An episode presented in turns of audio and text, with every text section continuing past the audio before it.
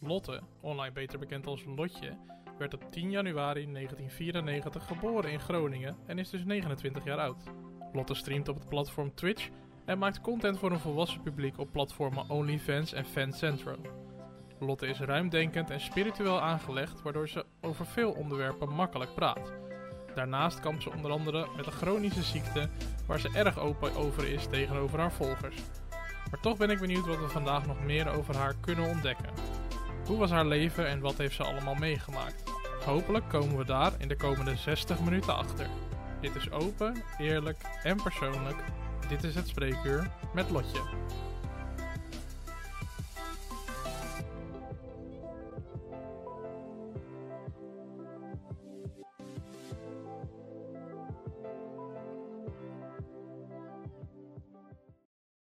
Ja, welkom allemaal bij een nieuwe aflevering van het Spreekuur Zo. Ik verspreek me helemaal en ik zie dat Lotje het intro al heel interessant vond. eh, om De te koprol! zien. de koprol, uiteraard, uiteraard. Ja, het intro is altijd een verrassing, want ik laat hem nooit zien van tevoren. Ik gok er altijd maar op dat het clipjes zijn die oké zijn om te laten zien. Ehm, Ja, ja, hartstikke leuk. Gelukkig, gelukkig. Welkom allemaal. Ehm, ik moet altijd eventjes eh, nadenken, omdat dit seizoen een beetje raar verloopt. Het is de vierde aflevering van het vijfde seizoen van Het Spreekuur. De 1 op 1 podcast van Nederland, waarin ik 60 minuten in gesprek ga met mijn gast om zoveel mogelijk over die persoon te leren kennen. En eh, het is in totaal aflevering 39 al, dus eh, ja, is dit nou de eerste die je luistert, die je ziet, die je hoort? Eh, check vooral andere afleveringen, maar natuurlijk niet voordat je deze hebt geluisterd, want vandaag is mijn gast Lotte, a.k.a. Lotje. Goedenavond. Hallo. Hallo, hoe is het ermee? Ja, wel goed hoor. Mooi. Het is een gangetje. Mooi, dat is, eh, dat is goed om te horen. Ehm, zoals altijd duiken we er gewoon lekker meteen in en eh, zien we wel waar we terechtkomen. Ehm, in het intro zei ik al dat je ehm, ja, in 1994 geboren bent in Groningen. Is dat ook de stad waar je opgegroeid bent of was dat alleen het dichtstbijzijnde ziekenhuis? Eh, nou, ik ben thuis geboren toen mijn ouders in Groningen woonden. Oké. En ik werd daarna ruw uit de armen van mijn moeder gerukt omdat ik te weinig zuurstof binnenkreeg. En toen moest ik meteen naar het ziekenhuis. Dus Oh. ik ben uiteindelijk wel in het ziekenhuis beland, maar thuis geboren. En tot mijn vierde gewoond. En toen zijn wij eh, naar een dorp verhuisd. Eigenlijk vlakbij. Nog steeds omgeving Groningen. Maar ik heb eigenlijk nooit echt bewust in de stad gewoond. Ja, oké, dus inderdaad al vanaf vrij jonge leeftijd in een dorp. Hoe, eh, Ja. hoe was het eh, op jonge leeftijd in een dorp? We komen straks op latere leeftijd natuurlijk. Hoe was het als kind in een dorp? Ja, fijn. Heerlijk. Ik woon nog steeds in hetzelfde dorp. En eh, gewoon hier opgroeien, weet je, je kent mensen zo om je heen, gewoon allemaal.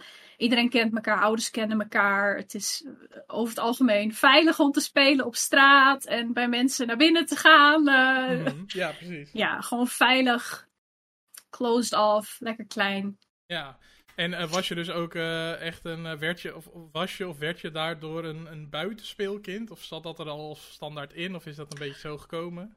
Nee, dat zat er zeker al in. Ik had eh, vroeger altijd een hele levendige fantasie en eh, vond het heerlijk eh, om samen met mijn broer te spelen. Die is vier jaar jonger dan ik. Mhm.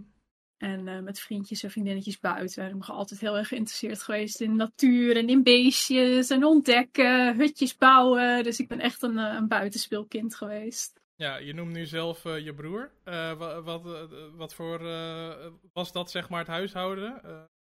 Alleen een Ja, mijn vader en moeder die zijn, eh, god nou, meer dan 35 jaar inmiddels getrouwd. Mhm. En, eh, en mijn broertje, tje, hij is een kop groter dan ik, maar mijn broertje, ja, die is eh, vier jaar jonger. Vier en jaar dat jonger. is, ja, dat is ons, ons huishouden altijd geweest. Ja, en hoe was op jonge leeftijd die, die omgang met je broertje? Ja, geweldig. Hij is altijd al mijn allerbeste vriend geweest. Eh, hij woont nu bij mij in huis. Ja. Momenteel, omdat hij eh, ja, problemen met zijn huidige woning en dergelijke heeft. Zoeken Mhm. naar een appartement. Hij is student, dus dat is een eh, drama. Ja, Ehm, ja, nee, altijd hartstikke goed. Hij heeft altijd heel goed voor mij gezorgd en andersom ook voor hem. We hebben nooit echt die typische broer-zus rivaliteit gehad die je bij veel mensen hoort. Maar ja, juist heel zorgzaam altijd voor elkaar geweest. Ja. En eh, eh, met betrekking, eh, zeg maar, de relatie met je ouders, was je moederskindje, vaderskindje? Uh, een beetje van beide. Kijk, ik ben, daar zullen we straks vast op komen, maar ik ben op hele jonge leeftijd van school gegaan eigenlijk. En sowieso altijd heel veel thuis van school geweest. Mijn vader die werkt uh, fulltime en dat doet hij nog steeds. Dus die ja, was wel altijd op zijn werk gewoon overdag. En daarom was ik gewoon heel veel met mijn moeder. Die was thuis. En uh, ja, ook vanwege mijn gezondheid is zij op een gegeven moment eigenlijk fulltime thuis geweest. Dus uh, ik neigde absoluut wel meer naar mijn, naar mijn moeder toe toen ik jonger was. Maar mijn relatie met beide is altijd hartstikke goed geweest. Dat hele natuurliefhebben, dat heb ik van mijn vader. Okay. En uh, die ging altijd met mij met de natuur in. En die las me voor uit, uit boeken en deed stemmetjes. En die heeft echt dat hele creatieve en fantasierijke in mij uh, getriggerd. Ja, oké, grappig. Heb, heb je daar specifieke herinneringen aan? Dat, uh, bijvoorbeeld, is er, is er een soort van specifieke eerste keer dat je met hem de natuur inging of zo dan? Of is er iets wat je is bijgebleven daaraan? Ja, uh, god. Misschien niet zozeer specifiek in de natuur, maar iets wat mijn vader vroeger altijd deed. Ik was helemaal gek van de Harry Potter boeken. Mm-hmm. En al vanaf de eerste film ben ik dan met mijn vader heen geweest. En na de eerste film is hij mij de boeken gaan voorlezen. Elke avond, stevast, alle zeven boeken, met inclusief stemmetjes, heeft hij mij voorgelezen eruit. Wauw, dat is wel dus, echt een toewijding. Ja, absoluut. En dat, ik heb ook een tatoeage nu van Harry Potter. En dat heeft ook weer heel veel gewoon effect gehad op mijn gezondheid en dergelijke. En de manier waarop ik daarmee omging toen ik jonger was. Dat was mhm. net zo aan het eind van de serie. Uh, heb ik op mijn uh, achttiende, toen ik net jarig was geweest, heb ik een tatoeage ervan laten zetten. En ja, dat, denk ik, het is eigenlijk ook een klein beetje een soort eerbetoon aan mijn vader en de band die we er samen mee hebben gehad en zo. Dus ja, dat is wel heel bijzonder voor me. voor de Potterheads onder ons, wat, wat heb je laten zetten? uh, kan je het omschrijven? Een Deathly Hallows symbool. Het was mijn allereerste tattoo, dus het is het uh, driehoek met het rondje en het oh, ja. streepje erin, die zit in mijn nek. Oké, oké. Okay. Hey, um, hey, je zegt al vanaf jongs af aan in het dorp opgegroeid. Um, veel, veel buiten dus. Um, op een gegeven moment komt er ook een moment dat je naar school gaat. Um, basisschool Lotje, wat, uh, wat zien we dan voor ons? Uh, dan zie jij een, uh, een, kind wat altijd in tweedehands comfortabele gekleurde kleding liep. het liefst leggings en het haar of kort of uit het gezicht, want moet spelen en bewegen en, en doen. Ik was als, als jong kind ja, een vrolijk kind. Um, maar wel heel erg op mezelf. En dat ben ik eigenlijk altijd al wel geweest. Oké, als in uh, qua omgang met andere kinderen, niet, dat hoefde niet per se? Of? Nou, ik was niet zozeer asociaal of zo. Of eh, zeg maar dat ik niet sociaal contact of zo met mensen had. Maar ik kon me gewoon heel goed met mezelf uh, in, mijn, in mijn eentje vermaken. Mm -hmm. ik, ik was heel erg verlegen vroeger. Echt heel erg verlegen.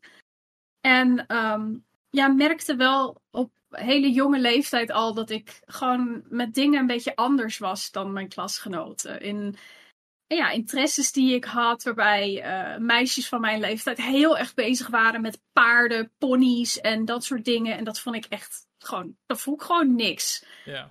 En uh, ja, ik voelde me nooit heel erg op mijn gemak in de kliekjes die er waren, zeg maar, in de klas. Eigenlijk al mhm. meteen vanaf dat ik heel jong was gewoon meer een beetje een loner. Maar ik, had wel, ik kon het wel vinden met iedereen uit de klas, zeg maar. Oké, want uh, kinderen zijn natuurlijk, kunnen per definitie natuurlijk daar heel, uh, hoe noem je dat? Ruthless in zijn. Ik heb even het oh, Nederlandse ja. woord niet. Um, meedogenloos. Meedogenloos, dankjewel. Ja, top. Um, je, je noemde net namelijk zelf al tussen neus en lippen door van hele kleurrijke kleding. Dat is misschien ook niet voor elk kind per se heel gebruikelijk. En misschien je haar uh, net even anders dan anders. Um, niet misschien de, de standaard dingen doen die de meisjes van jouw leeftijd misschien op dat moment wel deden. Uh, maar je hebt daar dus niet echt last van gehad, begrijp ik. Je zegt ik kan het wel goed vinden met iedereen. Toen ik jonger was, had ik er absoluut niet zo heel veel last van. Maar toen was ik ook gewoon nog heel erg naïef. En uh, nou, er zijn kinderen gewoon kinderen. En ja, toen ik wat ouder werd, vanaf groep 6 ongeveer, werd ik ook wel, ja, kwam wel dat ik ook wel geperst werd om hoe ik was en hoe stilletjes ik was. En ja, de Ja. andere interesses die ik had. Toen begon dat, begon dat zeker wel. Ik heb het heel lang op de, op de basisschool wel van me af kunnen laten glijden. En eh, me er ook niet heel erg ja, mee bezig gehouden. Maar naarmate ik wat ouder ben, kwam ik gewoon ook dus met andere dingen eh, ja, in aanmerking. En waaronder dus dingen wat betreft mijn gezondheid. En Mhm. Ja, dat begon zo'n grote rol te spelen. Dat het ook gewoon heel erg veel invloed had met hoe ik met mijn klasgenootjes kon omgaan. En Ja. de dingen die ik kon doen met hun en ja, in de klas. En dat begon zo op te vallen eigenlijk. En daar wist gewoon niemand hoe ze ermee om moesten gaan. Dus dat Ja. Ja. Hielp niet mee. Nee, en eh, trouwens, wat me nu even te binnen schiet, kijk, wij komen ongeveer uit eh, dezelfde tijd. Ik kom uit 92, jij uit 94. Eh, nu, nu we dit opnemen, is het 2023. Eh, is het natuurlijk is het natuurlijk een super hot topic. Jongens, meisjes, moeten er nog wel jongens speelgoed bestaan en meisjes speelgoed en, en, en interesses en zo? En moet dat eigenlijk wel zo gekoppeld zijn? Was dat eigenlijk überhaupt een onderwerp, zeg maar, in jouw tijd? Omdat je zegt, ik was best wel bezig met dingen die meisjes eigenlijk niet deden. Maar werd daar überhaupt dan over gepraat? Of, of... Nou, het, ik, ik moet ook echt eventjes in mijn, in mijn verleden graven hoor. Maar een van de dingen die ik me zeker wel kan herinneren van vroeger, dat ik was. Toen mijn klasgenootjes op een gegeven moment het woord lesbo kenden. Hm? Nou, toen was ik ook niet meer veilig daarvoor. Want ja. eh, dat was dan de term die als een soort van belediging werd gebruikt. Eh, om aan te duiden dat ik dus als meisje voornamelijk jongens dingetjes leuk vond. En het was wel heel grappig, want ik, ze speelden bijvoorbeeld altijd oorlogje in de pauze. Mhm. En dan mocht ik wel meedoen, maar ik moest dan wel de medic zijn. Oh ja. ik mocht, niet, mocht geen soldaatje zijn. Ik moest de medic zijn, dus ik moest dan voor de jongens moest ik zorgen. Mhm. Ja, dat was dan mijn manier om dan toch wel een beetje mee te doen. Ik- het werd nooit zo uitgesproken, maar het was wel, ja, ik denk ook wel een beetje die, ja, dat, dat kleinschalige van zo'n dorp, wat dat niet gewend is. En je, je spreekt het niet uit, maar ik merkte het wel. Nee, precies. En eh, eh, zeg maar, met je ouders is dat nooit echt per se een onderwerp geweest of zo? Dat je, Oh nee. Nee, precies. Nee, Nee, dat maakte hun helemaal niet uit. nee, Dat, eh, nee. Echt, echt heel open opgevoed met het idee van gewoon doen wat je wil. En zolang je niemand pijn doet. Ja, ja, mooi, mooi. Goed om te horen. Hey, ehm, richting einde basisschool, dan eh, eh, komt er natuurlijk eh, die fantastische CITO-toets. Ik leerde vorige week van mijn gast Koen dat het tegenwoordig niet eens meer CITO-toets heet, of dat die niet meer Nee. bestaat, of, of dat er iets aan veranderd is. Eh, weer een stukje jeugd weg, maar ehm, eh, wij hadden nog wel een CITO-toets als het goed is. Jazeker. Hoe, hoe verliep dat bij jou en, en qua vervolg zeg maar naar de middelbare school? Hoe is dat bij jou allemaal gegaan in die tijd?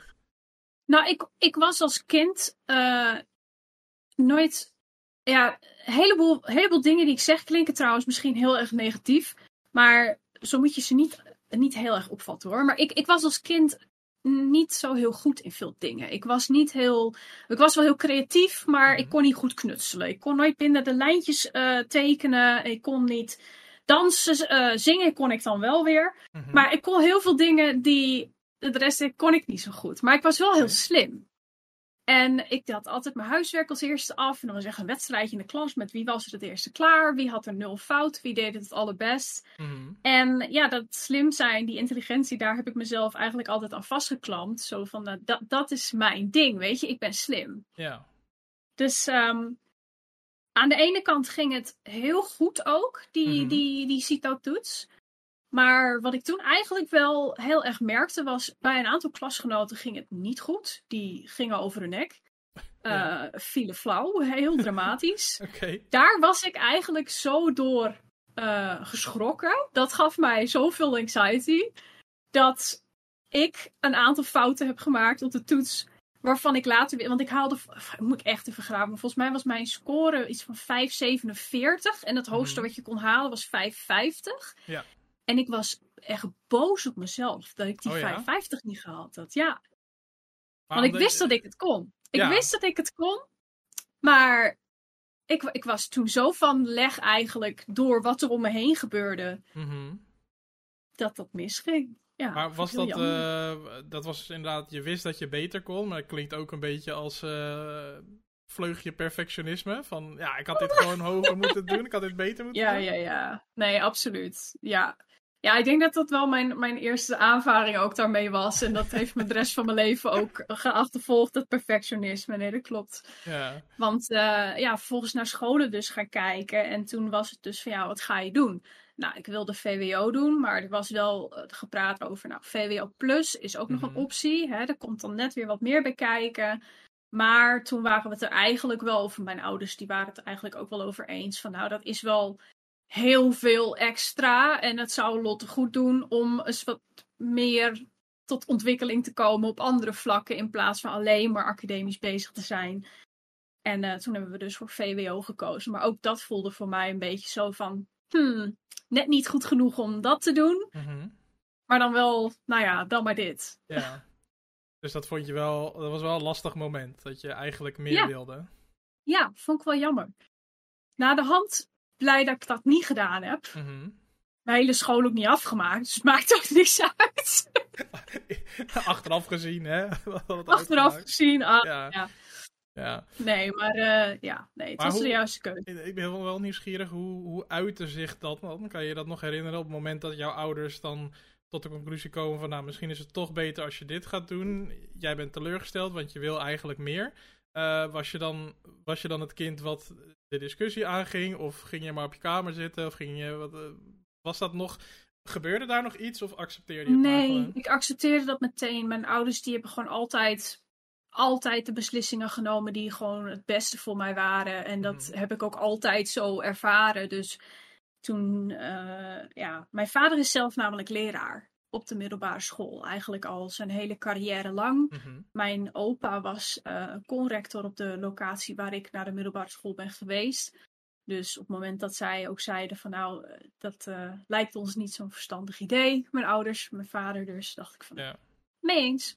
Dus, het vertrouwen in je Helaas. ouders was daarin groot genoeg, zeg maar, Ja hoor, om hen de keuze te laten. Oké. absoluut. Voordat we naar de middelbare schooltijd gaan, jullie net al een paar keer vallen dat, op de, dat je op de basisschool al eh, eh, wat eh, met je gezondheid had. waardoor ook om de opgang met kinderen en zo een, soms wat lastiger was. Of in ieder geval een andere draai kreeg dan normaal gesproken. Wat, wa- wat kan je daarover vertellen, over in de basisschooltijd?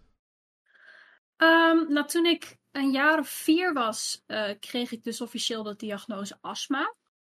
Mhm. En eh, als je dat als kind krijgt, dan is altijd een beetje de vraag van ja, ga je er overheen groeien of niet? Meestal eh, bij kinderen, als ze er niet overheen groeien, dan wordt het erger in de puberteit. Maar toen ik dus ja, heel jong was, nou, ik had dus astma, daar moest ik ook meteen medicatie voor krijgen. Dus ik ben ook al mijn hele leven zeg maar aan de dagelijkse medicatie voor dingen. Mhm. En daarbij kwam kijken dat ik rond een jaar of vijf of zes was ik ongeveer. Ik heb echt geen idee van jaartallen daarin precies. Toen eh, kreeg ik op de verjaardag van mijn oma een hele heftige allergische aanval nadat ik een stukje walnoot had gehad. En dat heeft me bijna echt de das omgedaan. Oh. En dat is hoe ik erachter kwam, eh, nadat ik daar dus ook voor naar de dokter ben geweest, dat ik allergisch was voor alle noten en pinda's. Mhm. Eh, nou, dat kwam er bovenop en dat heeft bijvoorbeeld op verjaardagsfeestjes en dergelijke. En als ze getrakteerd werd op school, heeft dat heel veel invloed gehad. Want het was zo'n gevaarlijke allergie. Het is zo'n gevaarlijke allergie. En ik Mhm. kreeg daarvoor ook dus zo'n EpiPen mee, zo'n noodding met epinefrine erin. Ehm, dat was zo gevaarlijk dat ik echt absoluut geen voedsel mocht aannemen van andere mensen. Ik mocht niet e- iets eten wat eh, getrakteerd werd, wat ik niet kende Oh, ja. ik mocht niet eten op verjaardagsfeestjes. Niet zo, zo van, ah, dat mag niet van mijn ouders. Maar ik, ik wist gewoon van, dat kan ik niet. Dat kan ik niet vertrouwen. Mhm. Dus dat is eigenlijk van, van jongs af aan al eh, echt al een ding geweest. ja. En daarnaast merkte ik gewoon heel erg dat ja, ik minder aankon dan de rest. Ik was altijd ziek. Altijd verkouden, griep, eh, virussen, whatever. Altijd sneller moe dan de rest. ehm, minder sterk. Ik kon gewoon minder aan. Ik was gewoon zwakker dan mijn klasgenoten. En ja, dat, dat merkte ik gaandeweg. Ik heb op de basisschool namelijk ook eh, veel getennist. Dat Mhm. was een sport die ik heel leuk vond. En daar was ik op zich ook best wel, best wel goed in. Maar daar kon ik ook nooit 100% in geven. En naarmate ik dus wat ouder werd, werd dat ook steeds moeilijker en moeilijker, waardoor ik daar dus ook eind basisschool, begin de basisschool mee moest stoppen. Daardoor. Ja, en uh, want je noemde zelf in het begin dat het dus de omgang met andere kinderen ook beïnvloedde. Zoals je net zegt, van je contractaties en zo niet aannemen. Werd er dan ook echt lullig over gedaan? Of vonden ze het meer raar omdat ze het niet kennen natuurlijk, zeg maar? Uh, in, in hindsight natuurlijk omdat ze het niet begrepen. Mhm. uh, daar, daar, komt, daar kwam alles vandaan. De middelbare school, uh, basisschool, zelfs nu de nare reacties die ik van mensen krijg is 99% van de tijd onwetendheid en een bepaald soort vooroordeel. Mhm. Nou, kinderen kennen geen, geen vooroordelen, die kennen alleen het snap ik niet. Dus ja, dat was vooral het niet begrijpen, maar er werd absoluut wel heel vervelend om gedaan vaak. Het was dan, uh, of ik werd gewoon ronduit uitgelachen, of ik werd gepeer pressured in van, nou doe het maar toch. Ik herinner me bijvoorbeeld heel specifiek een moment dat ik op een verjaardag van een vriendinnetje was. En dat ze knakworstjes hadden met pindasaus. En dat ik eigenlijk werd gepusht van, ja, je moet wel eten hoor. Ja, je bent veel te dun, je moet wel eten hoor. En dat ik een frietje at en daar zat dus een klein beetje pindasaus aan. En dat was niet alleen de kinderen, maar ook dus de ouders Mhm. die mij wat dat betreft pushten. En toen kreeg ik dus weer een allergische reactie. Gelukkig was het niet heel erg, maar ik schaamde me vervolgens zo. Van ja, het is nu weer misgegaan. Ik wilde eigenlijk niet laten merken dat het dus heel erg misging. Dat ik echt heb zitten stikken daar gewoon. In silence. Tranen over mijn wangen heb zitten sufferen. Om het maar niet te laten zien. Om het maar niet te laten zien. Ja. Wauw. Oké, dat eh, ja. Ik kan me voorstellen dat dat geen, eh, geen leuke herinneringen is en geen leuke tijd. Nee, nee, absoluut niet. En ja, hoe ouder ik werd, hoe meer dat soort dingen gewoon helaas gebeurden. Dus ik kijk ook terug op die periode en helaas ook op mijn middelbare schooltijd. Ik ben daar nu ook al heel lang voor in therapie met toch wel heel veel ja, verdrietige gedachten, verdrietige herinneringen. Moeilijk om soms het goede uit die periode te zien. Want ik was over het algemeen een heel vrolijk en ja, zorgeloos kind. En Ja. dat, dat ging er eh, na verloop van tijd gewoon een beetje uit. Ja. Nou ja, ik wilde inderdaad net zeggen van, we hebben ook een hoop, eh, vooral in het begin natuurlijk een paar leuke dingen besproken. Dus eh, hopelijk Oh, lukt, het, lukt het om daar ook op terug te kijken. Ehm, middelbare schooltijd, je ging dus uiteindelijk misschien net niet de kant op die je had gewild. Maar nou ja, eh, zo is het dan maar. Ehm, hoe, was, eh, hoe was de middelbare school, de school zelf, de leraren, de andere leerlingen? Eh, middelbare school was echt wat dat betreft 50-50. Ik ben naar een, een, een junior college zeg maar, gegaan. Dus we hadden de onderbouw en de bovenbouw hadden wij apart. En ehm, dat verschilde dan ook nog weer VWO, HAVO, ehm, TL. Dat was allemaal nog weer gescheiden. Maar eh, ik zat dus samen met mijn mede VWO, en HAVO en TL leerlingen. Dus de eerste drie jaar de onderbouw op een eh, vrij kleine school. Mhm. En dat was op fietsafstand. Tenminste, iedereen vond dat dat op fietsafstand was. Ik had er nogal moeite mee. maar eh, nee, aan de ene kant was dat heel erg leuk. Het was ja, kleinschalig en gemoedzaam. En ehm, wel op een hele traditionele manier. Ik ben echt opgegroeid met je zegt u tegen de leraar. Eh, dat is hoe je het aanzet. Of meneer en mevrouw en de achternaam. Wat dat betreft heel erg ouderwets best wel opgegroeid. Ehm, het gebouw was ook oud en krakkemikkig. Er was niet echt technologie eh, van deze tijd, zeg maar. Dus het was allemaal best wel ouderwets. Maar ja, best wel, best wel leuk. Ik had over het algemeen best leuke leraren. Eh, ja, enige mensen waar ik eigenlijk niet mee door de deur kon, dat was mijn geschiedenisleraar. Kijk, ja, hier moet je natuurlijk een verhaal over vertellen. wat, wat was er zo erg? Nou, mijn geschiedenisleraar had echt een obsessie voor nazi's. Oh. En dat ging zo ver dat dat. eh, ja, dat. eh, het was een lange, kale, bewust kale Mhm. man. Met eh, ja, een bepaald soort vibe over zich. En een bepaald soort interesses. En dat was gewoon, ja, niet, niet leuk. Een strenge Mijn man, beste- denk ik, of niet? Nou, niet, nee, Oh. absoluut niet streng. Wilde Oh. altijd iedereen's vriend zijn. Maar mijn beste vriendinnetje eh, uit die tijd, zij, ehm, we waren eh, met een clubje mensen eigenlijk allemaal een beetje emo. Mijn haar, zoals ik het nu heb, dat had ik volgens mij ook toen ik 16 was. Uh, en mijn beste vriendinnetje, ja, die was ook echt ja, emo. Droeg zich echt in de meest wonderbaarlijke outfits. Had haar haar altijd die felle kleuren. En ja, ik vond het heel erg leuk. Uh, maar daar werd ze heel erg om gepest. Mhm. Veel meer nog ook dan ik. En het is zo ver gegaan dat ze uiteindelijk echt van school is gepest. En die geschiedenisleraar was onze mentor. En wij hebben meerdere keren hebben wij aan hem gevraagd of hij alsjeblieft ja, gesprek met de klas aan wilde gaan, omdat ze dus zo gepest werd. Nou, Ja. uiteindelijk is zij van school gegaan. En toen herinner ik me dus een moment dat eh, nadat zij van school was, dat dus die leraar haar en haar stijl en haar uiterlijk dus belachelijk heeft staan maken in de klas. En toen Oh. ben ik, nou, ik, ik ben 1,66 meter en haalde nog maar 10 centimeter vanaf op die leeftijd. Ja. Echt op gaan staan midden in de klas van, nou, dat kun je niet zeggen. Dat kan niet. Mhm. Jullie hebben haar weggepest. En ik heb tegen die leraar gezegd, u heeft er helemaal niks aan gedaan. Nou, dat vond hij niet leuk. Op zijn zacht gezegd. Op zijn zachtst gezegd, ja. Maar had ergens ook wel weer een beetje respect ervoor. Maar het was heel duidelijk dat deze man gewoon geen respect had voor alles wat anders was dan hij. Ja. Oké. En nou, dat was gewoon heel jammer. Ja. Hoe, eh, hoe was dat voor jou? Want je noemt haar eh, je beste vriendin. eh, van school weggegaan. Dat is eh, natuurlijk ook niet eh, heel leuk, lijkt me. Ah, nee.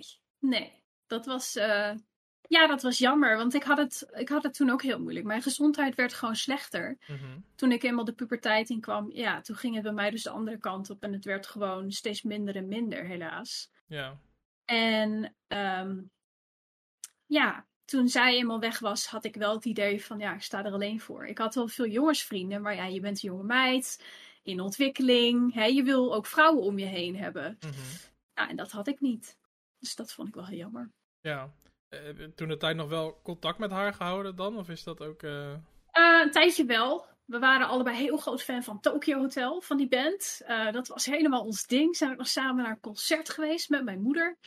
En nou, dat was helemaal geweldig. Maar dat contact verwaterde gewoon na verloop van tijd heel erg. En ook zij kreeg steeds minder begrip en eh, dergelijke voor mijn situatie. En eh, uiteindelijk kwamen we dus elkaar op de bovenbouw gewoon allemaal weer tegen. Dus Mhm. het maakte ook niet uit dat ze van school ging. Want vanaf eh, klas 4 kwamen we allemaal weer bij elkaar.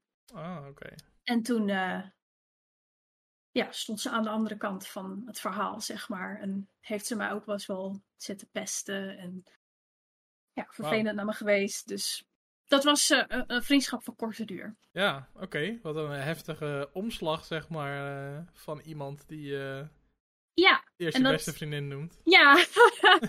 best wel. Maar dat, dat is, ja, dat hebben ze eigenlijk allemaal gehad toen, mijn klasgenoten. En daar geef ik hun niet echt de schuld voor. Daar hebben de docenten hebben er heel erg aan mee geholpen. Maar ja, zo ben ik wel eigenlijk van de een op de andere dag op een gegeven moment gewoon al mijn vrienden kwijtgeraakt. En dat was wel jammer. Ja. Ehm, we hadden het net over, nog even over docenten. En jij zegt, eh, nou, één docent heb je heel erg onthouden omdat hij eh, heel erg eh, apart was, om het maar even zo te noemen. Hmm. Hebben we ook nog een leuke lerarenanekdote Oh, misschien? Ja, heb, je, Oh, heb je eentje van je Ja, favoriete zeker. docent misschien? Ja. Ik ga er gewoon bij naam noemen. Mevrouw Slager. Haar achternaam doet veel aan de verbeelding over. En Ja. onze vorige, zeg maar de klas die voor ons zat, die eh, beschreef haar als de meest verschrikkelijke vrouw op de school. En ze kwam bij ons, een oudere vrouw, en ze was zo ontzettend lief. En zij had heel goed door dat eh, mijn vriendinnetjes en ik eh, dat wij gepest werden. En dat we het daar heel moeilijk mee hadden. En dat ik het ook heel moeilijk had met mijn gezondheid. Zij heeft mij één of twee keer, twee keer volgens mij, heeft ze mij naar huis gebracht. Omdat het me niet lukte om te fietsen.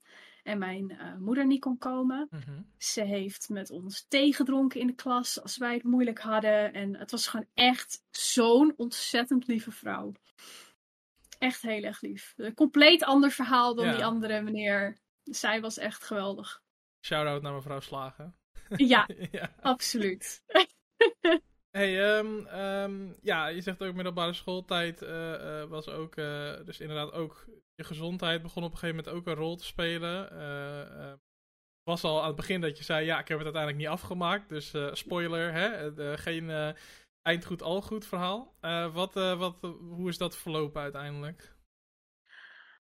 nou, ik, zoals ik dus al zei, van ja, mijn astma die werd, dat werd dus erger. En mijn allergieën die werden alsmaar erger op een gegeven moment.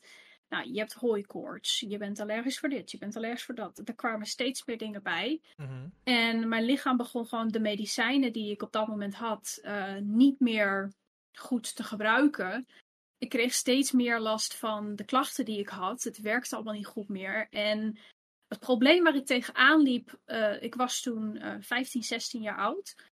Ik moest nog naar een kinderarts. Ik werd elke keer maar weer doorverwezen naar de kinderarts. Dus ik heb uh, heel lang geen specialist gezien. En waar ik nog steeds van overtuigd ben, is dat een heel groot probleem in ons medische systeem hier in Nederland. Is dat kinderen gewoon met dat soort dingen niet serieus worden genomen. Dus ik heb heel lang rondgelopen met steeds erger en erger en erger wordende klachten.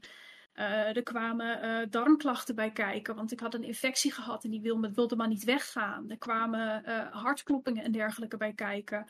Nou, ik was natuurlijk ook nog een puber, dus er kwamen ook mentale problemen bij kijken. Ik heb een paniekstoornis ontwikkeld op dat moment, wat ook voor een heleboel dingen zorgde. En het, het is letterlijk op één dag op een gegeven moment gewoon opgehouden. Mm-hmm. Toen was ik, ja, dus al meerdere keren niet naar school geweest, langere periodes dus niet naar school geweest.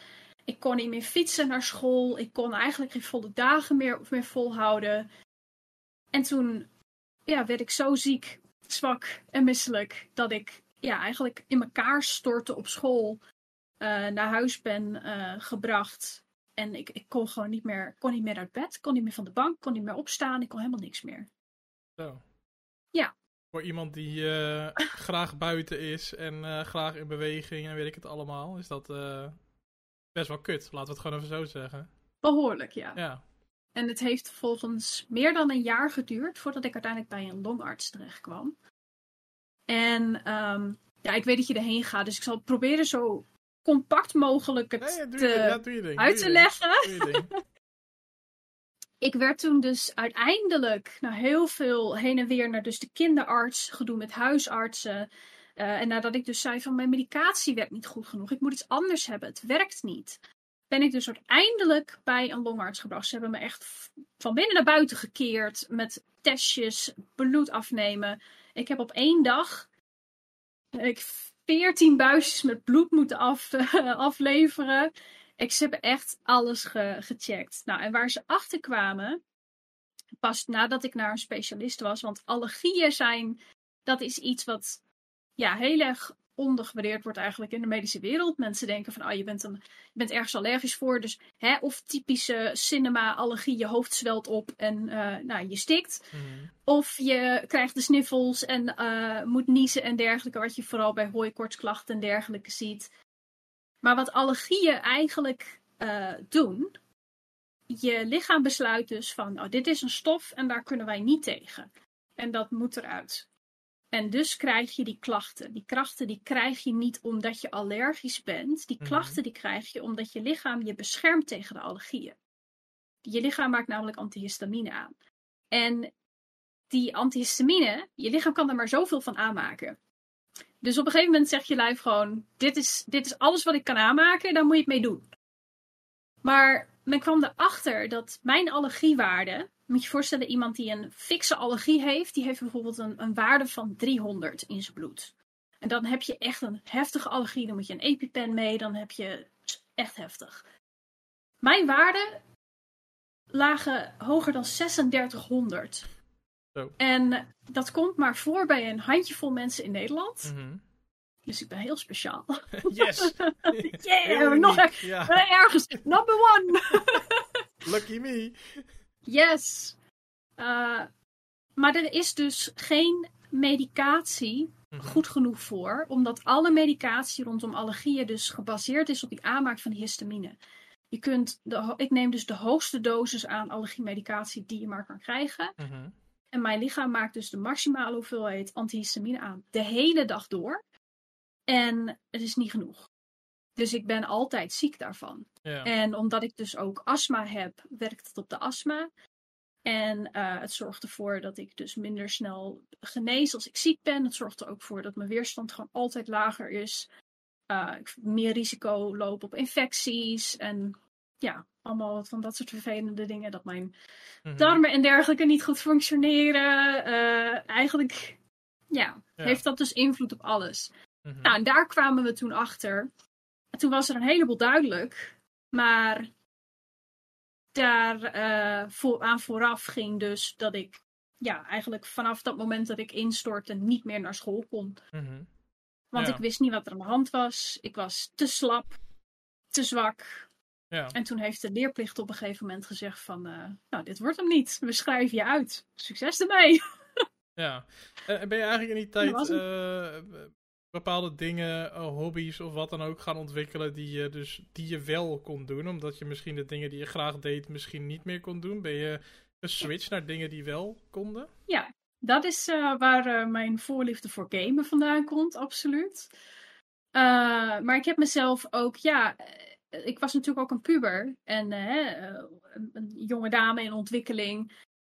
Ik heb mezelf geleerd hoe ik mijn haar moest knippen, hoe ik mijn haar moest verven, hoe ik mijn nagels moest doen, hoe ik mijn make-up moest doen. Ik heb echt dagenlang op bed gezeten met make-up uitproberen, verschillende looks doen. Daar ben ik beter in geworden. Ik heb geleerd hoe ik mijn eigen tatoeages kon zetten, hoe ik piercings kon doen. Ik heb ontzettend veel eigenlijk hele simpele skills mhm. mezelf aangeleerd. Uh, Waren dat dingen. Ja, maar. Waren dat dingen waar je voor die tijd uh, niet per se interesse in had? Of zeg maar, dit heb je, heb je dat, e-, heeft het echt een boost gekregen doordat je andere dingen niet meer kon doen? Ja, ja zeker wel. Ik had er gewoon, ik had er toen geen tijd voor. Mm Niet echt interesse in. Het was echt, uh, ik moest mezelf eigenlijk helemaal opnieuw uitvinden. Omdat ik ineens voor mijn gevoel ook een heel ander persoon was. Yeah. Ik kon niet meer naar school en ik had dus eigenlijk ook geen vrienden meer. Want die begrepen mijn situatie niet. En uh, ja, ik, ik, ik moest helemaal mezelf opnieuw uitvinden. ja. Uh, dus ook, uh, ja, het is altijd een beetje cliché natuurlijk om op zoek te gaan naar positieve dingen. Maar ik denk dat je, je noemt heel veel dingen op. Heel veel skills die je zelf hebt aangeleerd. doordat je eigenlijk andere dingen niet meer kon doen.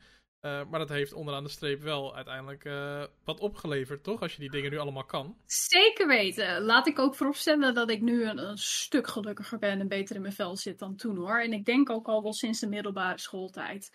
Ik denk dat ik nu gelukkiger ben dan ooit eigenlijk in mijn leven. Of in ieder geval gewoon beter in mijn schoenen sta dan ooit. En ja, dat alles wat ik toen geleerd heb en de, de zelfstandigheid die ik mezelf heb aangeleerd en de, de creatieve skills die ik heb opgebouwd, mhm. heeft er allemaal toe geleid ja, wat ik nu met mijn werk doe. Dat ik nu eigen ondernemer ben, ik ben gaan streamen. Uh, ja, ja, dingen die ik maak, alles. Ja, nee, precies. Nee, ja, dat is natuurlijk alleen maar heel erg mooi. Um, laten, we, laten we meteen eventjes daarop doorgaan, want uh, nee, je bent dus gestopt, uh, of ja, niet vrijwillig, maar ja, je moest stoppen uh, met de middelbare school.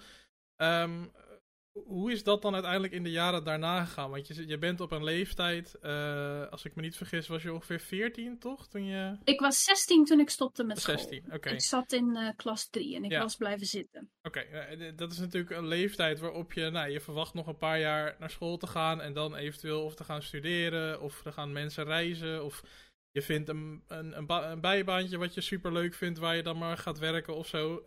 Dat was voor jou, begrijp ik, allemaal niet aan de orde. Dus hoe zagen de jaren daarna er voor jou dan uit? Wat, wat ging je doen?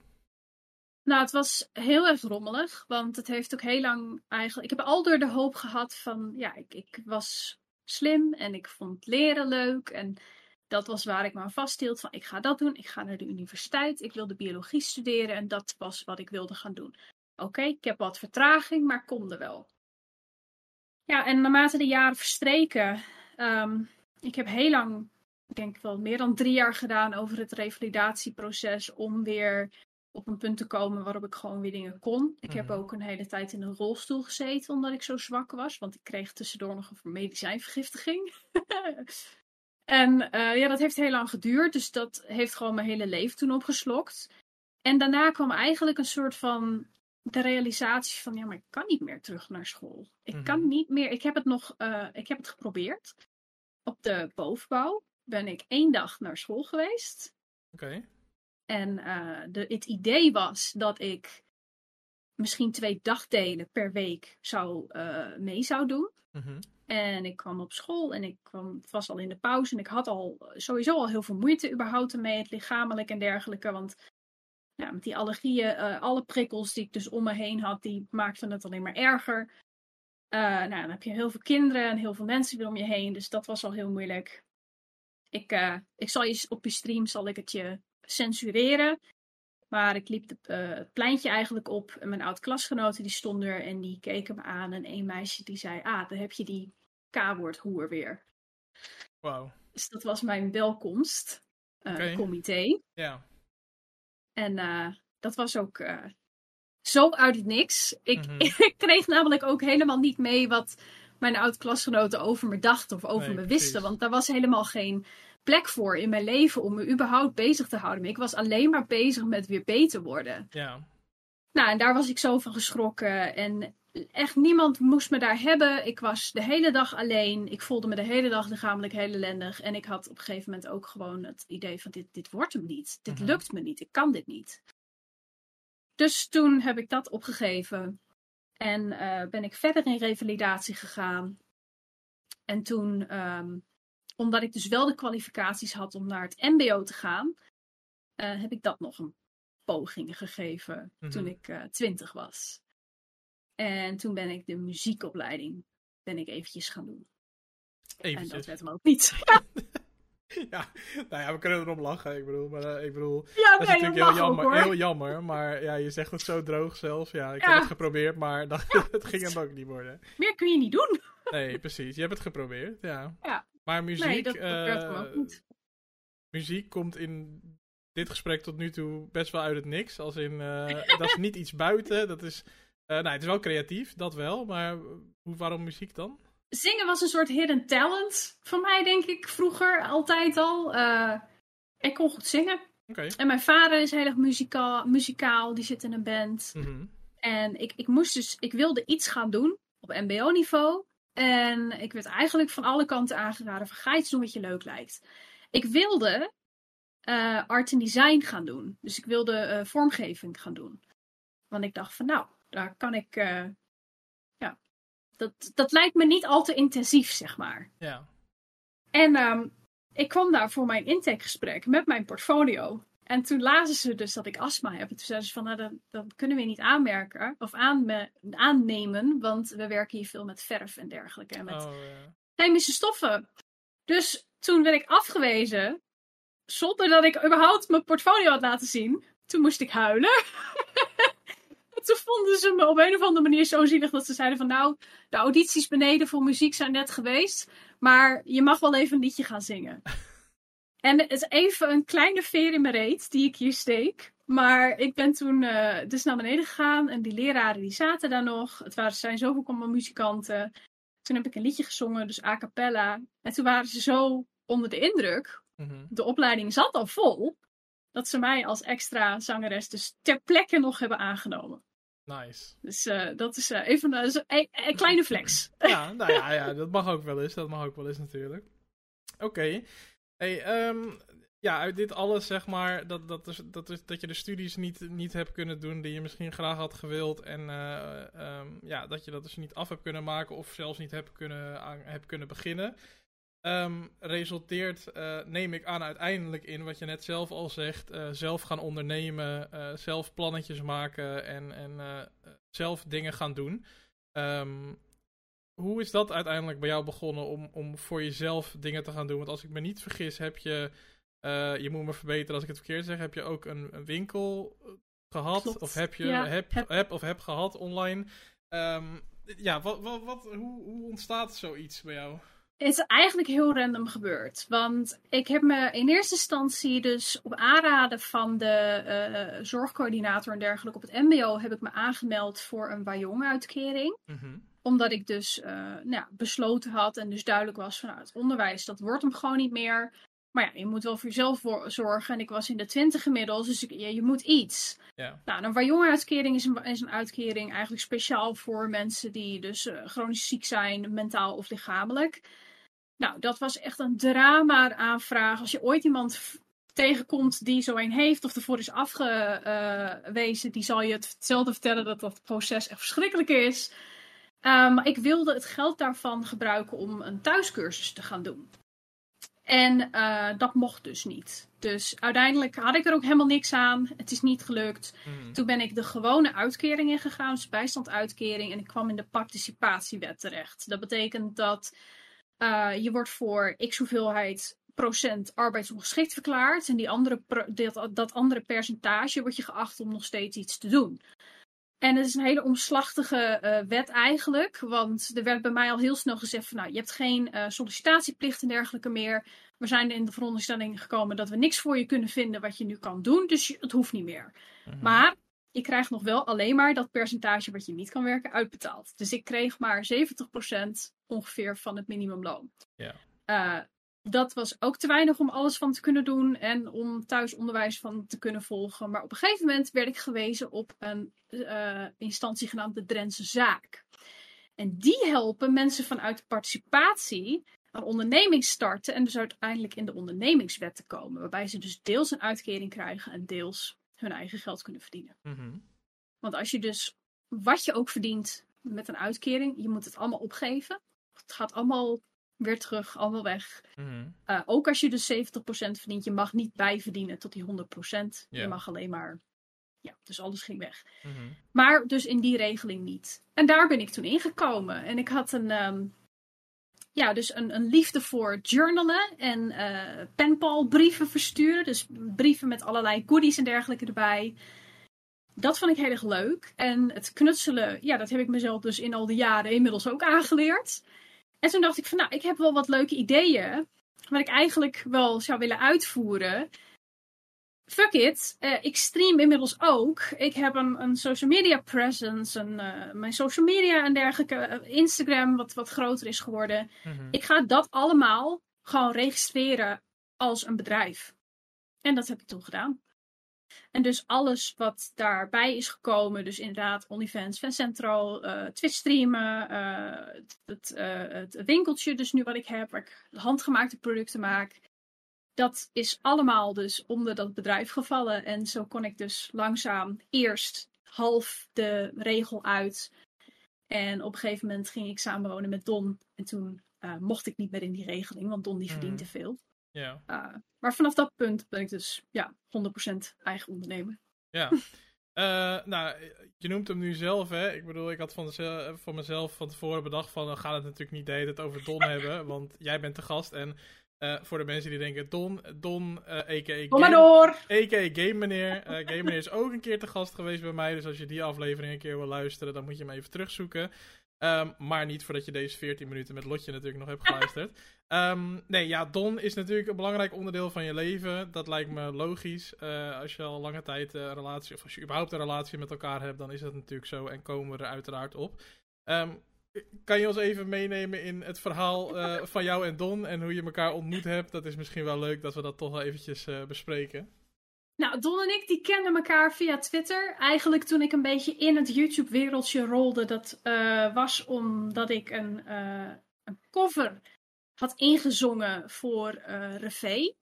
Revee is de, de vrouw van Dus David. Die ook een heel succesvol YouTube-kanaal destijds. Mhm. En daar deden ze dus ook allerlei covers en dergelijke op. En ze zochten een zangeres, had ik me aangemeld toen rolde ik in dat wereldje en toen ben ik in hele korte tijd. Ik was natuurlijk ook, ja, nieuw vlees in de kuip. Dus ik werd meteen gevolgd door al die creators, al die jongens.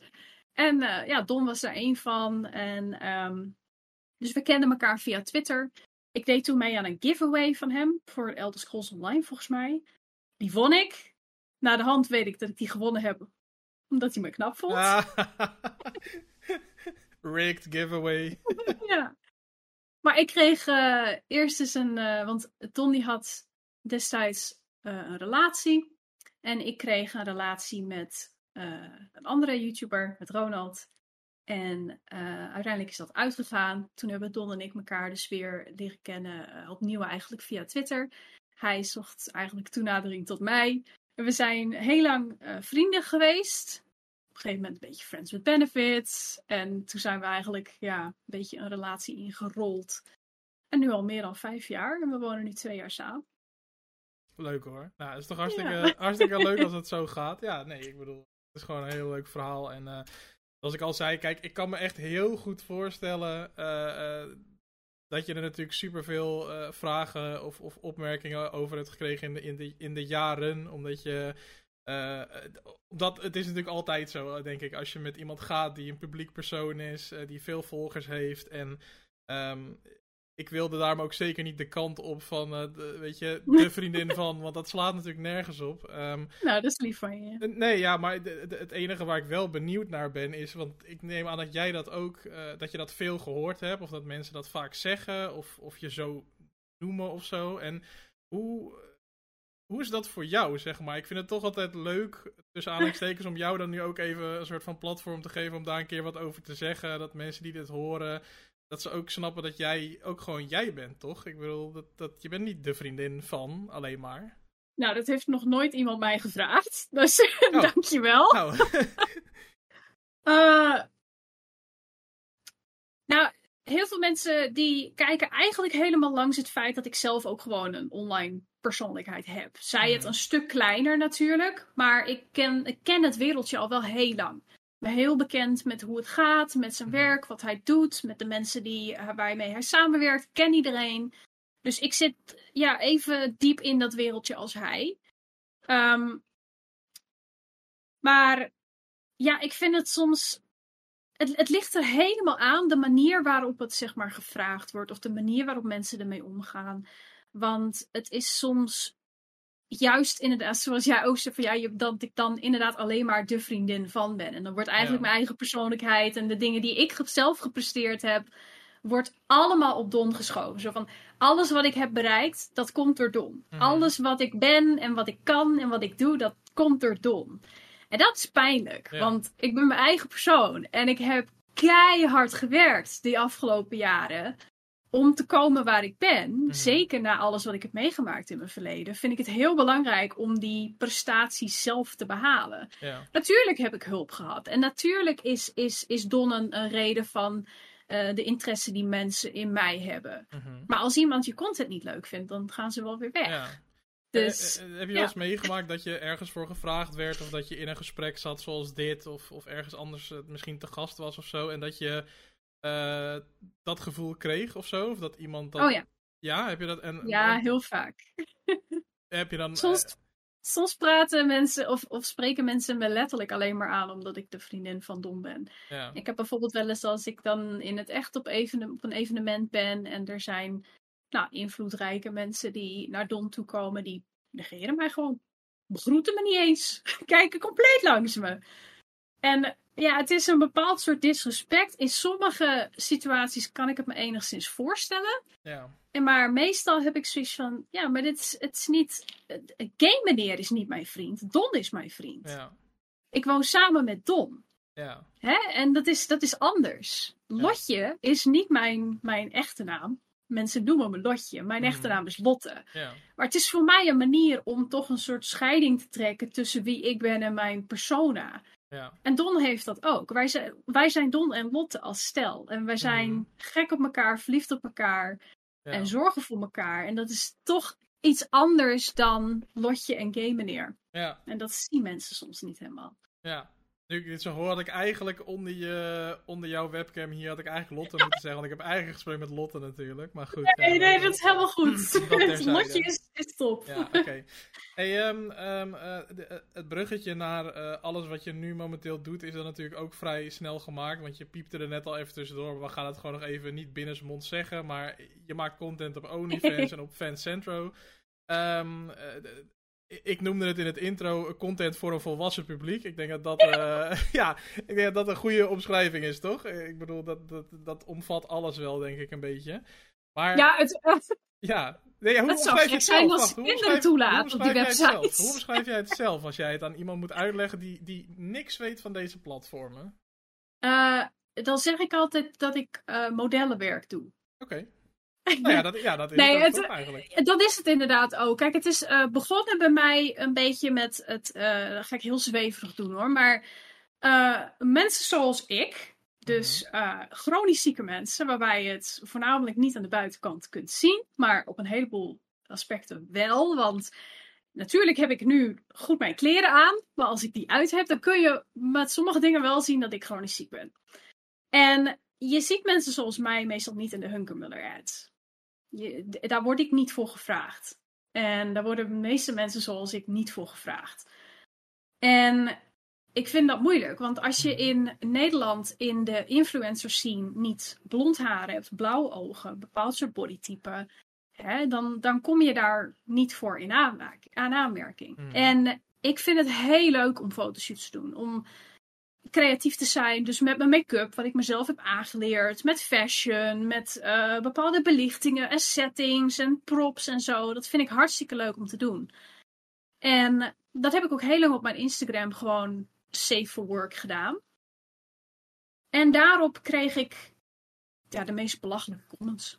Dat ik een hoer ben, dat ik uh, te veel laat zien, dat ik te weinig laat zien. Eigenlijk alles. En ik krijg er niet voor betaald. En op een gegeven moment kwam OnlyFans in, opmer in ja, een beetje in opmars. En toen dacht ik van ja, waarom, waarom eigenlijk niet? Ja. Waarom, waarom niet? Want er zijn heel veel mensen die het leuk vinden, die het mooi vinden wat ik maak. Mm en op die manier kan ik er dus weer als ondernemer, als zeg maar zelfstandig persoon, kan ik er toch iets aan verdienen. Mhm. Ik denk, ik ga het gewoon proberen. En dat heb ik ook uh, gedaan op een hele ja, safe work manier. Uh, geen uh, blote borsten, dat soort dingen. Lingeriefoto's en foto's in mooie outfits en met mooie make-up en dergelijke. Mhm. En die heb ik dus als sets aangeboden. Nou, en die konden mensen dus kopen. Want het is dus zo dat mijn OnlyFans een gratis toegang heeft. Dus het is geen subscriptie. Mhm. Eh, maar de sets kun je dus loskopen. Nou, en dat is eigenlijk uitgegroeid gewoon tot iets heel groots. En die platforms, die zijn natuurlijk uh, eh, 18 plus. En ik wilde ook heel graag af van dat gay publiek. Mhm. Ik wilde daar vanaf. Ik wilde mijn eigen publiek gewoon hebben. En dat heb ik ook altijd gehad. Maar daar kwam een influx van gay mhm. kijkers. En wij hebben gewoon nooit echt dezelfde content gemaakt. We hebben niet dezelfde interesses. Nooit gehad ook. Omdat hij, en... bedoel je dan ook dat hij een wat jonger publiek heeft, zeg maar? Oh ja. Ja, ja, ja. Misschien dat het inmiddels iets anders is, maar het is altijd wel zo geweest dat zijn kijkers veel jonger waren. Ja, en uh, ja, het, het, het, kwam zo gewoon mooi bij elkaar. Dat ik een wat ouder publiek kreeg. Wat zowel geïnteresseerd was in de content die ik maakte. Als in de persoon die ik ben. Als in de message die ik heb. Als in nou ja, dat ze vinden dat ik er mooi uitzie. En voor mij was dat heel belangrijk. Ook voor mijn zelfvertrouwen. Van ja, ik, ik voel mij soms zo verrot. Dan voelt het echt alsof ik doodga van binnen. Maar dan zie ik er wel mooi uit. En dat is een hele rare gewaarwording soms. Ja. Maar het is denk ik wel belangrijk om te laten zien. Ja.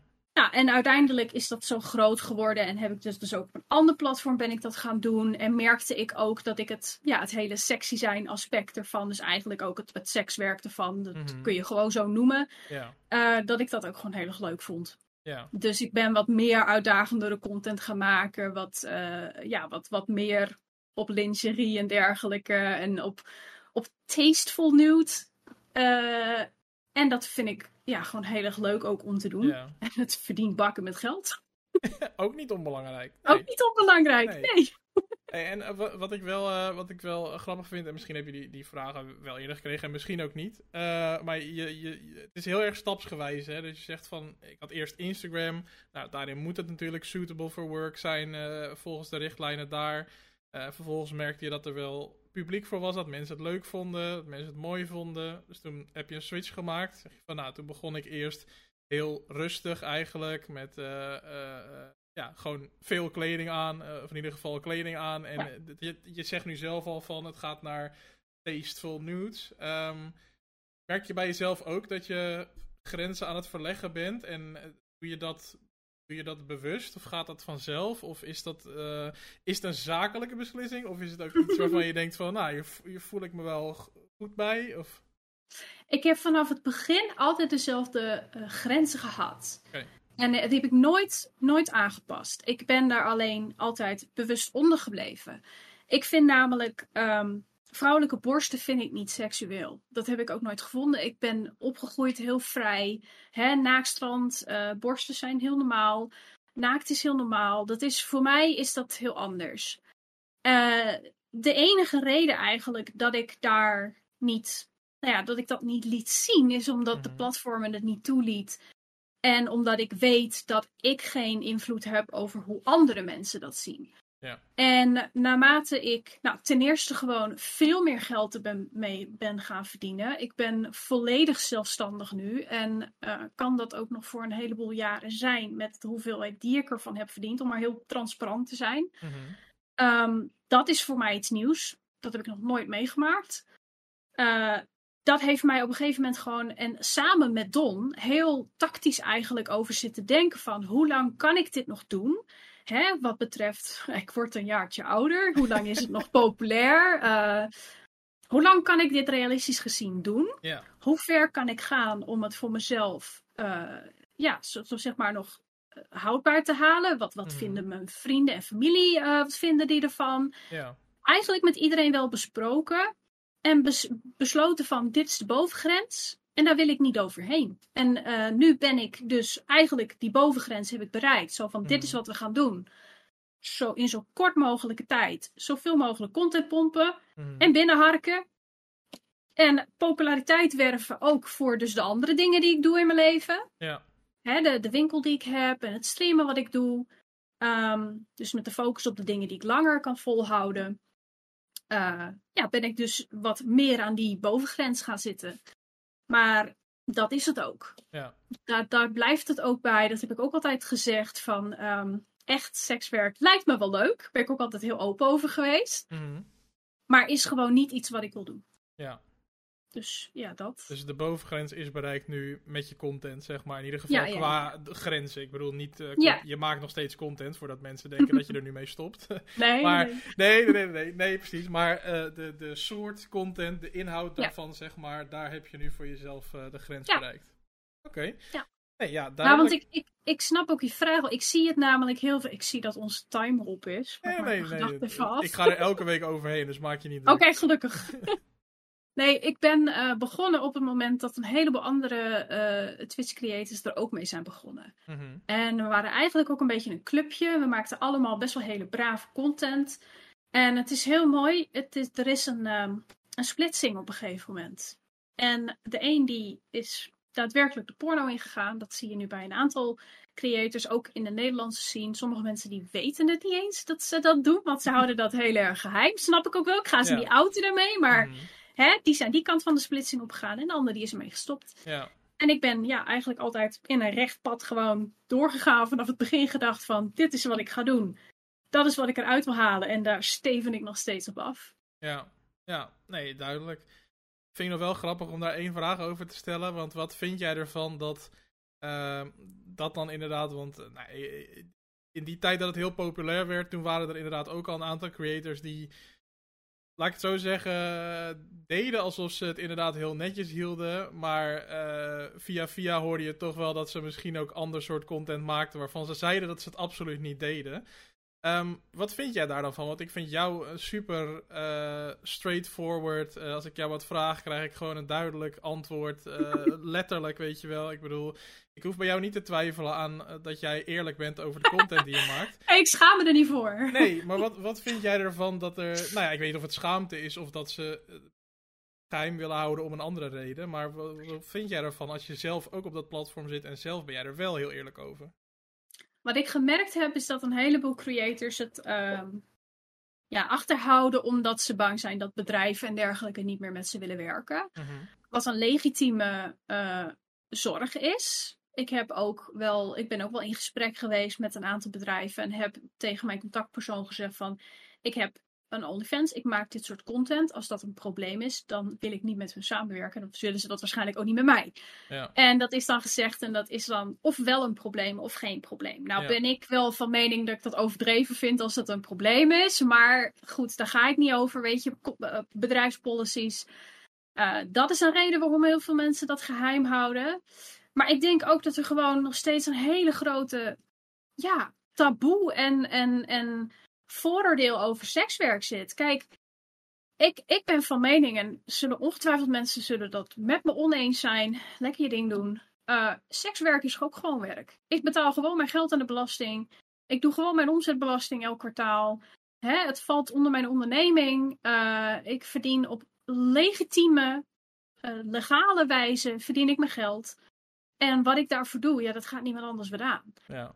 Maar een heleboel meiden vooral, die zijn gewoon nog wel heel erg bang voor, die, uh, ja, voor dat vooroordeel mm. wat heel veel mensen hebben. Dat het, nou ja, dat het geen legitiem werk is, maar ook dat ze erom ja, geshamed worden. Mm. En uh, ja, een soort van schaamte die erbij zit. Ik vind dat heel jammer. Want ik denk ook dat er een aantal creators tussen zitten die zich door het geld hebben laten verleiden door meer te gaan doen. Wat ze misschien niet willen. Mm -hmm. Ja. En dat is gewoon heel moeilijk. Ja, Daar heb ik ook wel heel vaak vragen over gehad door een aantal creators. Mm -hmm. Die bij mij kwamen van, nou, hoe heb jij dit en dat gedaan? Zal ik dit doen en zal ik dat doen? En ik heb altijd gezegd van, wees, wees voorzichtig. Wees ja.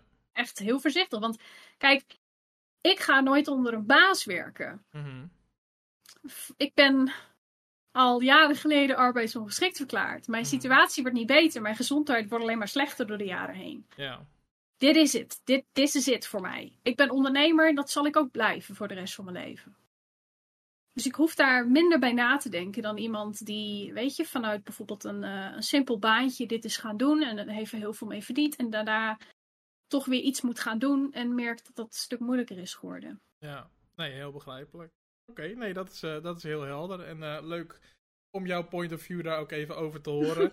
en we hebben de vraag ontweken: wat vindt Don ervan dat je OnlyFans ah! doet? Yes, ja, we hebben het gedaan, we hebben het gedaan. Nou, maar die ga ik beantwoorden. Ja, nee, doe Don toch vindt het hartstikke leuk. Ja, nee, precies. Dus dat, dat, maar ik zie dat zo vaak op jouw socials voorbij komen. Dus mensen die dit luisteren, die jou kennen, die weten dat al. Maar uh, ik zat te denken, ja, als we het er dan toch over hebben, hè, dan uh, uh, mochten mensen het nog niet op de hoogte zijn. Weet ja... je dat Don die vraag nooit krijgt? Echt?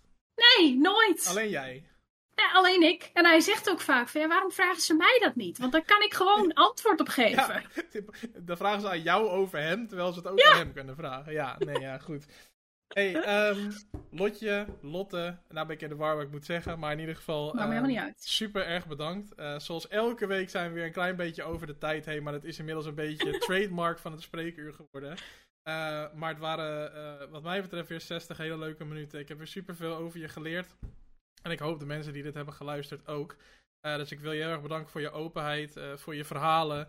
Um, ja, voor je eerlijkheid over alles. En, um, oh, jij bedankt. Ja, en dat je te gast wilde zijn natuurlijk. Dat vind ik zo Ja, natuurlijk. Dat, hartstikke, hartstikke leuk. Um, voor iedereen die dit nu geluisterd heeft, sowieso super bedankt dat je de aflevering weer helemaal afgeluisterd hebt. Dit was uh, aflevering 4 van seizoen 5 van Het Spreekuur de 1 op 1 podcast van Nederland, waarin ik in 60 minuten en een beetje zoveel mogelijk over mijn gast probeer uh, te weten te komen. Volgende week is er weer een aflevering van het Spreekuur. Dan ga ik 60 minuten in gesprek met Wart Gene. Hij is onder andere uh, uh, ja, heel actief geweest in de Nederlandse gaming- en e-sport scene.